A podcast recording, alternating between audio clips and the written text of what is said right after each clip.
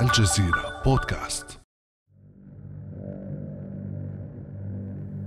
عندما يبدأ الرئيس الأمريكي المنتخب جو بايدن عمله في البيت الأبيض ويفتح خريطة العالم بين يديه سيكتشف أن العالم تغير كثيرا خلال الأربع سنوات التي سكن فيها دونالد ترامب البيت الأبيض. ليس العالم وحده من تغير أمريكا نفسها تغيرت مع ترامب. دعونا نمر سريعا على محطات سجل فيها ترامب حقوق التأليف لسياسات غير معهودة وغير تقليدية في التاريخ الأمريكي تسببت في تمزقات عميقة في المجتمع الأمريكي وفي العالم. وسيتحمل وزر تصحيحها الوارث الجديد لكرسي الرئاسة جو بايدن. نبدأ بأزمة كوفيد 19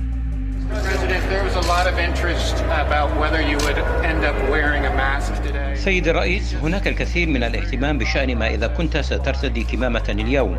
هل يمكن أن تشاركنا بطريقة تفكيرك؟ ولماذا قررت عدم ارتداء كمامة؟ حسنا لقد ارتديتها. كان لدي واحدة من قبل. ارتديتها في هذه المنطقة الخلفية. لكنني لم أرغب في منح الصحافة متعة رؤيتها. وأيضا بالنسبة لتفشي العنصرية في المجتمع الأمريكي ولكن خلال الأيام الماضية أمتنا اعترتها موجة من الأناركيين الفوضويين السارقين والمخربين واليساريين وأنتيفا المناهضة للفاشية. لقد خلف دونالد ترامب وراءه تركة ثقيلة مليئة بالمشاكل والأزمات داخليا وخارجيا. وقد أدرك الرئيس المنتخب جو بايدن حجم الخطر المحدق بالمجتمع الأمريكي حيث قال في خطاب الفوز بالرئاسة We must make the promise of the country real for everybody, no matter their race.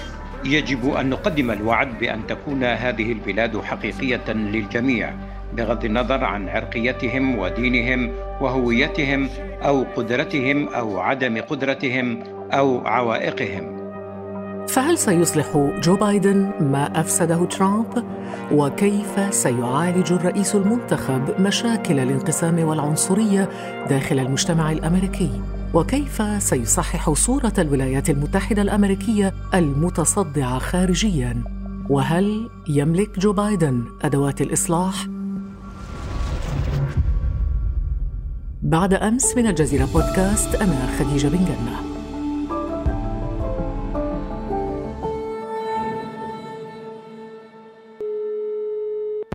يسعدني أن ينضم إلي في هذه الحلقة اليوم من واشنطن الدكتور محمد الشرقاوي أستاذ العلوم السياسية والعلاقات الدولية بجامعة جورج ميسون بواشنطن. صباح الخير دكتور شرقاوي.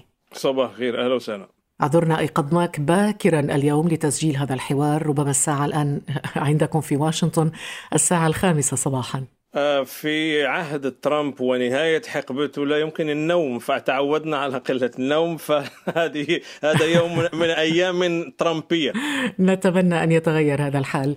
دكتور محمد الشرقاوي جو بايدن ورث من ترامب مشاكل عديدة مشاكل سياسية اجتماعية اقتصادية صحية أيضا. من أين سنبدأ برأيك؟ لنبدأ بالداخل الأمريكي ثم نذهب إلى القضايا الخارجية لو عددنا هذه المشاكل والأزمات التي ورثها جو بايدن عن سابقه ترامب ماذا تقول؟ إذا افترضنا أن هناك قائمة بهذه التركة السلبية التي سوف يسعى بايدن لتصحيحها بعد أربع سنوات من رئاسة ترامب ربما نبدأ القائمة ولا نستطيع أن نقفلها لعدة اعتبارات. أولا هناك أزمة حقيقية الآن. كيف نتعامل مع أزمة كورونا وإنعاش الاقتصاد خاصة وأن ترامب وضع سكة الاقتصاد على طريق منفصل؟ والآن بايدن يقول للأمريكيين إننا من خلال الاحترازات الصحية بانتظار لقاح ناجع يمكن أن يتحرك الاقتصاد. أيضا العلاقات العرقية خاصة بين السود والأغلبية البيضاء المتظاهرين ورجال الأمن. خطاب ترامب للأسف أوصل الولايات المتحدة إلى درك أسفل ربما يتجاوز ما كان في الستينات خلال حركة الإضرابات التي طالبت بها أو قامت بها حركة الحقوق المدنية.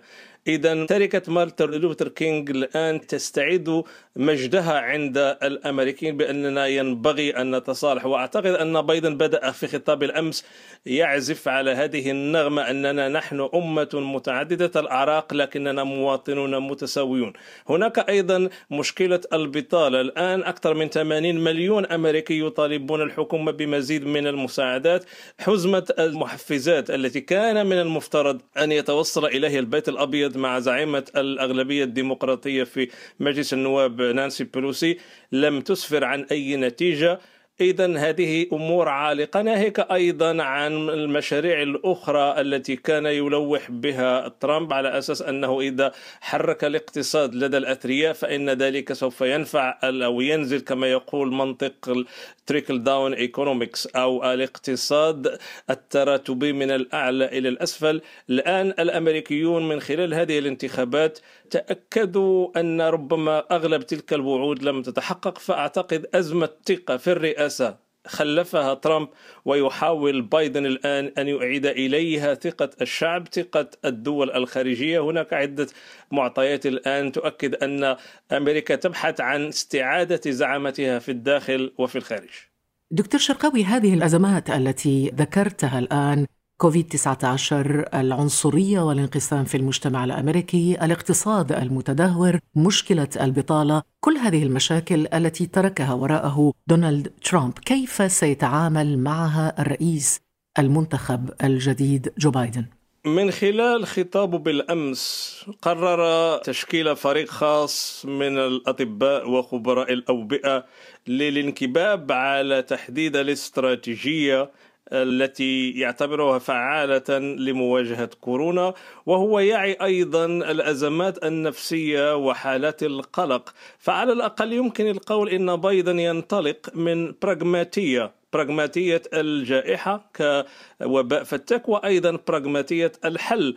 وتصادف خطابه أنه جاء بعد ساعتين فقط من إعلان رئيس شركة فايزر بالتعاون مع شركة نيوتك في ألمانيا بأنهم أجروا اختبارات على لقاح أبدى نجاعته بنسبة 90% وذلك بأكثر مما كانوا يتوقعون. فعلى الأقل الآن هناك أمل حقيقي بأن فايزر سوف تقدم للأمريكيين هذا اللقاح. يعني هناك بشائر خير مع مجيء جو بايدن.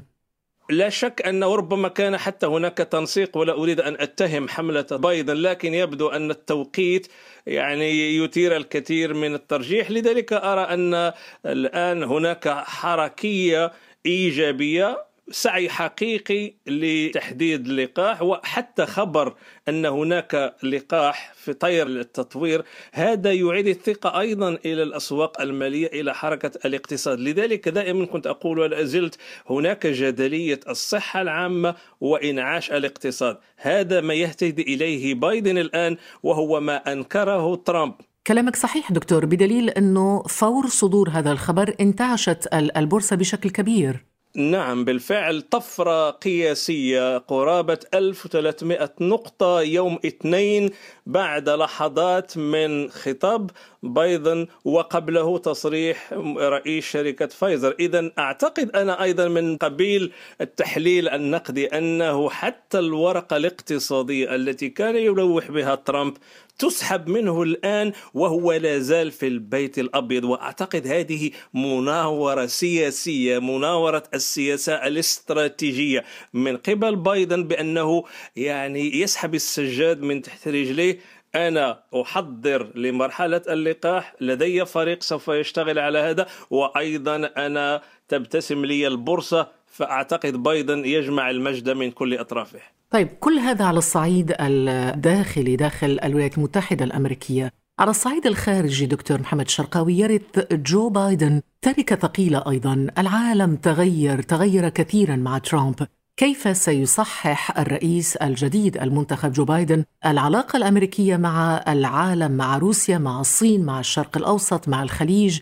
مع دول كثيرة الملف النووي الإيراني مع تركيا لنبدأ بالصين كيف ترى طريقة أو آلية عمل جو بايدن في تصحيح العلاقة مع الصين أولاً؟ بالنسبة الآن لقضية الصين طبعا هناك خلاف بين بايدن وترامب. ترامب يعتبره هي العدو الأساسي للولايات المتحدة لكن بايدن يعتبر روسيا. إذا هناك مقارنة ضمنية بايدن الآن ينظر إلى الصين ليس كعدو أيديولوجي أو عدو سياسي ويجتر بذلك منطق الحرب الباردة التي كانت بين الاتحاد السوفيتي والولايات المتحدة بقدر ما يعتبرها منافسا اقتصاديا واستراتيجيا. إذا هو يفهم بأن التسابق بين بيجين وواشنطن الآن هو الهيمنة على أكثر عدد ممكن من الأسواق الخارجية وأيضا تقلب الميزان التجاري الذي هو الآن لصالح الصين في حدود 360 مليار دولار.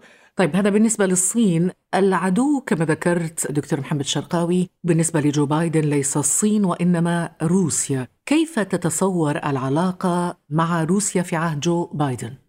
أعتقد أن بايدن سوف يسعى إلى احتواء هذا التمدد الروسي في منطقة شرق وغرب البحر المتوسط وأيضا لا يجاريه في قضية الافتعالية أو الآن ما هو معروف أن هناك دور فلاديمير بوتين في إنعاش اليمين المتطرف سواء في الولايات المتحدة من خلال مساعدة ترامب في الانتخابات أو بقية الحركات المتطرفة كما لاحظنا مع ماري لوبان في فرنسا ومع كل التيارات اليمينية في أوروبا. أعتقد أن الديمقراطيين يفهمون كيف يلعب بوتين لعبة تشجيع اليمين لتقويض ديمقراطية الغرب. هذا على الصعيد الاستراتيجي. لكن أعتقد أننا سوف نعود إلى جو المساءلات والتحقيق وأعتقد أن كل الملفات التي كانت قيد التعتيم خلال رئاسة ترامب الآن سوف تنكشف. وأعتقد أن هناك بعض القضايا الساخنة التي ربما قد يحاكم عليها ترامب خلال رئاسة بايدن. طيب عرجت قليلا دكتور محمد الشرقاوي على العلاقة مع أوروبا. يعني أوروبا كانت دائما خصوصا الحلفاء الأوروبيين التقليديين مثل بريطانيا فرنسا ألمانيا. يعني سعى ترامب جاهدا لاستعداء حتى الحلفاء. الآن كيف سيتمكن جو بايدن من استعادة الحلفاء؟ وقد شاهدنا طبعا علامات السعادة والابتهاج من القادة الأوروبيين بفوز جو بايدن. ترامب وضع العلاقات الأطلسية بين الولايات المتحدة والاتحاد الأوروبي في متاهة حقيقية في ثلاث قضايا أساسية. أعتقد أن بايدن س يعني يشتغل على إعادة تركيبها من جديد. القضية الأولى هي مستقبل حلف شمال الأطلسي والقيادة الأمريكية لهذا الحلف. أعتقد أن بايدن من السياسيين التقليديين ومن رجال التوافق ليس فقط في الولايات المتحدة أيضا أيضا التوافق على الصعيد الدولي فأراه الآن يمد يده إلى ميركل وإلى ماكرون وإلى بوريس جونسون وإلى بقية زعماء على أساس أن نحافظ على مؤسسة الحلف كضرورة استراتيجية. اذا دكتور محمد العودة إلى اتفاق باريس أو اتفاقية باريس للمناخ باتت الآن مؤكدة. لا شك ليس لأنها ضرورة من ضرورات المصالحة مع الأوروبيين بقدر ما هي حتمية الآن في فلسفة ترامب وإجماع الديمقراطيين على أن قضية البيئة الآن وقضية الاحتباس الحراري هي ضمن القائمة الأساسية ربما تأتي قضية البيئة في المرتبة الخامسة أو السادسة من أولويات الديمقراطيين في هذه المرحلة. لذلك أرى أنه سيمد يده إلى القادة الأوروبيين وسوف نستعيد الزخم الذي بدأه باراك أوباما وهيلاري كلينتون خلال هذه الاتفاقية.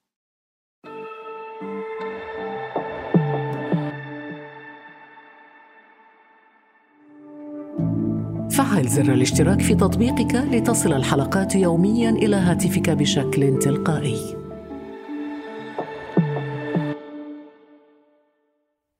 نصل إلى ملف مهم جدا دكتور شرقاوي ملف الشرق الأوسط والصراع العربي الإسرائيلي شهد زلزالا في عهد دونالد ترامب كيف سيتعامل مع هذا الملف جو بايدن برأيك؟ لا شك أن بايدن من السياسيين الذين طبعا يدعمون إسرائيل لكنه أيضا لا يبدو أنه سيتخلى عن دور الولايات المتحدة كراعية لعملية السلام وقد يسعى لإعادة الاعتبار إلى الفلسطينيين بدعوتهم إلى مشاورات أو على الأقل أو مفاوضات أو أي طريقة من التفاعل بينهم لأنهم استبعدوا تماما خارج الدائرة أيام ترامب. لا شك أن أكثر ما قد يتغير في عهد بايدن هو العلاقات الأمريكية مع السعودية والإمارات لأكثر من سبب في مقدمة هذه الأسباب ضرورة إنهاء الحرب في اليمن وأيضا وضع حد للأزمة الإنسانية وهي أسوأ أزمة إنسانية في العالم في القرن الحادي والعشرين. هناك نقاش مفتوح داخل الكونغرس منذ أكثر من عام. ينبغي أن نساهم وأن نثبت أننا لازلنا ليس فقط زعامة بالمعنى بمعنى الواقعية السياسية واستخدام القوة بل أيضا نحن زعامة من الناحية الأخلاقية وأعتقد يبدو أن بايدن مصمم الآن على إنهاء الحرب بقطع الصفقات الأسلحة على السعودية وعلى الإمارات من ناحية وأيضا طرح خطاب المسؤولية عن قضية خاشقجي وعن القضية الأخرى قضية مدى تورط السعوديين في إحداث الحادي عشر من سبتمبر. اذا هناك ملفات هي موجودة على الرف وقد يحين الوقت لمعالجتها اذا طريقة التعامل مع منطقة الخليج ستختلف برأيك دكتور خصوصا أنه السعودية والإمارات استقوت بعلاقتهما مع صهر ترامب جاريد كوشنير ومع ترامب نفسه. هل نشهد ربما شيئا ما على صعيد حلحلة الأزمة الخليجية؟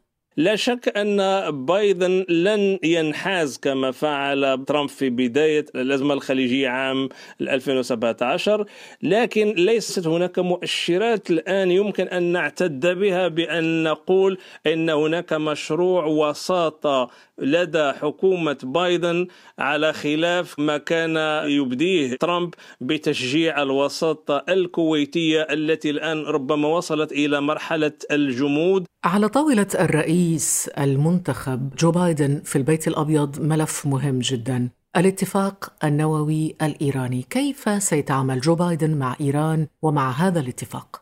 أفضل وسيلة في اعتقادي هي أن ندخل في مفاوضات نتوصل إلى اتفاق نحتوي الخطر النووي. اذا إيران الآن سوف تكون مسرورة بأن تبدأ مفاوضات جديدة.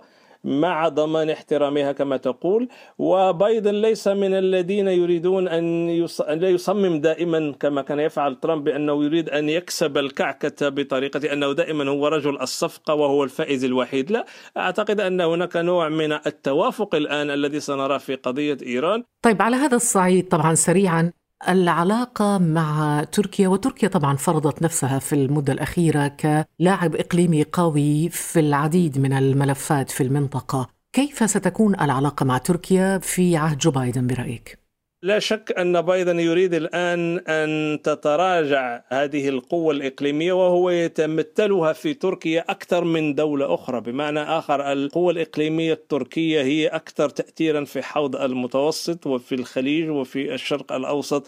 فالمسألة فقط الآن هل ينبغي أن ننتظر هل هناك مشروع لقاء بين أردوغان وبايدن لتسوية نقاط الخلاف أم سوف نظل ضمن ما يعرف في لغة النزاعات بال hurting stalemate أو الجمود السلبي للطرفين؟ لكن السؤال المحوري والجوهري هنا هل يملك جو بايدن مفاتيح حل هذه المشاكل؟ ما هي أدوات التغيير التي سيتعاطى بها جو بايدن مع هذه التركة الثقيلة؟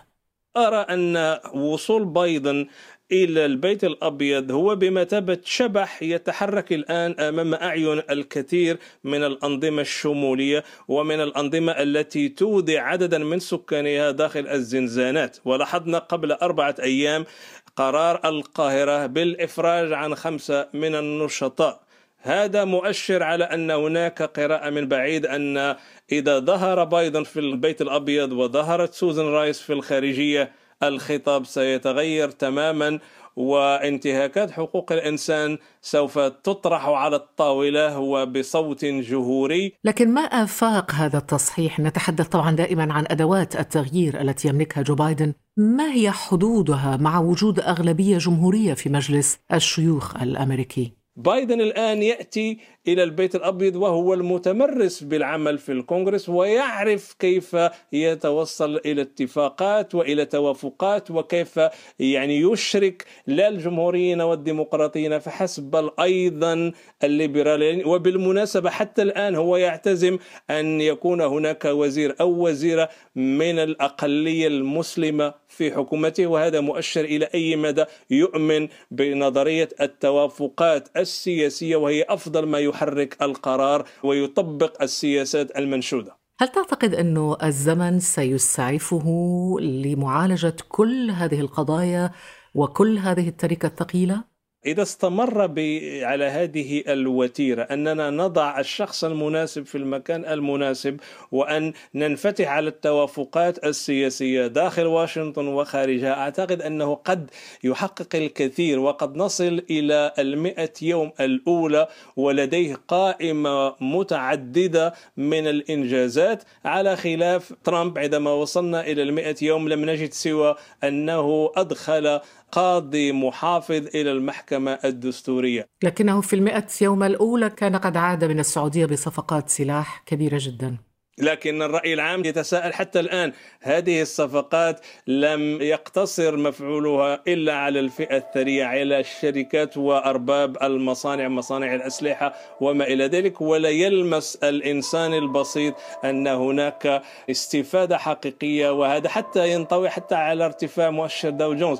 بمعنى آخر الفئة الأولى أو واحد في المئة هي التي تستفيد دائما في حقبة ترامب ولا ينزل تأثيرها أو نفعها على السلم الاجتماعي إلى البسطاء إلى الفلاحين إلى المزارعين. أشكرك جزيل الشكر دكتور محمد الشرقاوي أستاذ العلوم السياسية والعلاقات الدولية بجامعة جورج ميسون بواشنطن. شكرا لك دكتور. أهلا وسهلا. يمكنك أن تعود إلى النوم. لا صعب. أنا عندي الآن آه، آه، مقابلة. آه أعانك الله. بالتوفيق. يمكنكم الاستماع للمزيد من الحلقات الشيقة من الجزيرة بودكاست عبر مختلف تطبيقات بودكاست. كان هذا بعد أمس.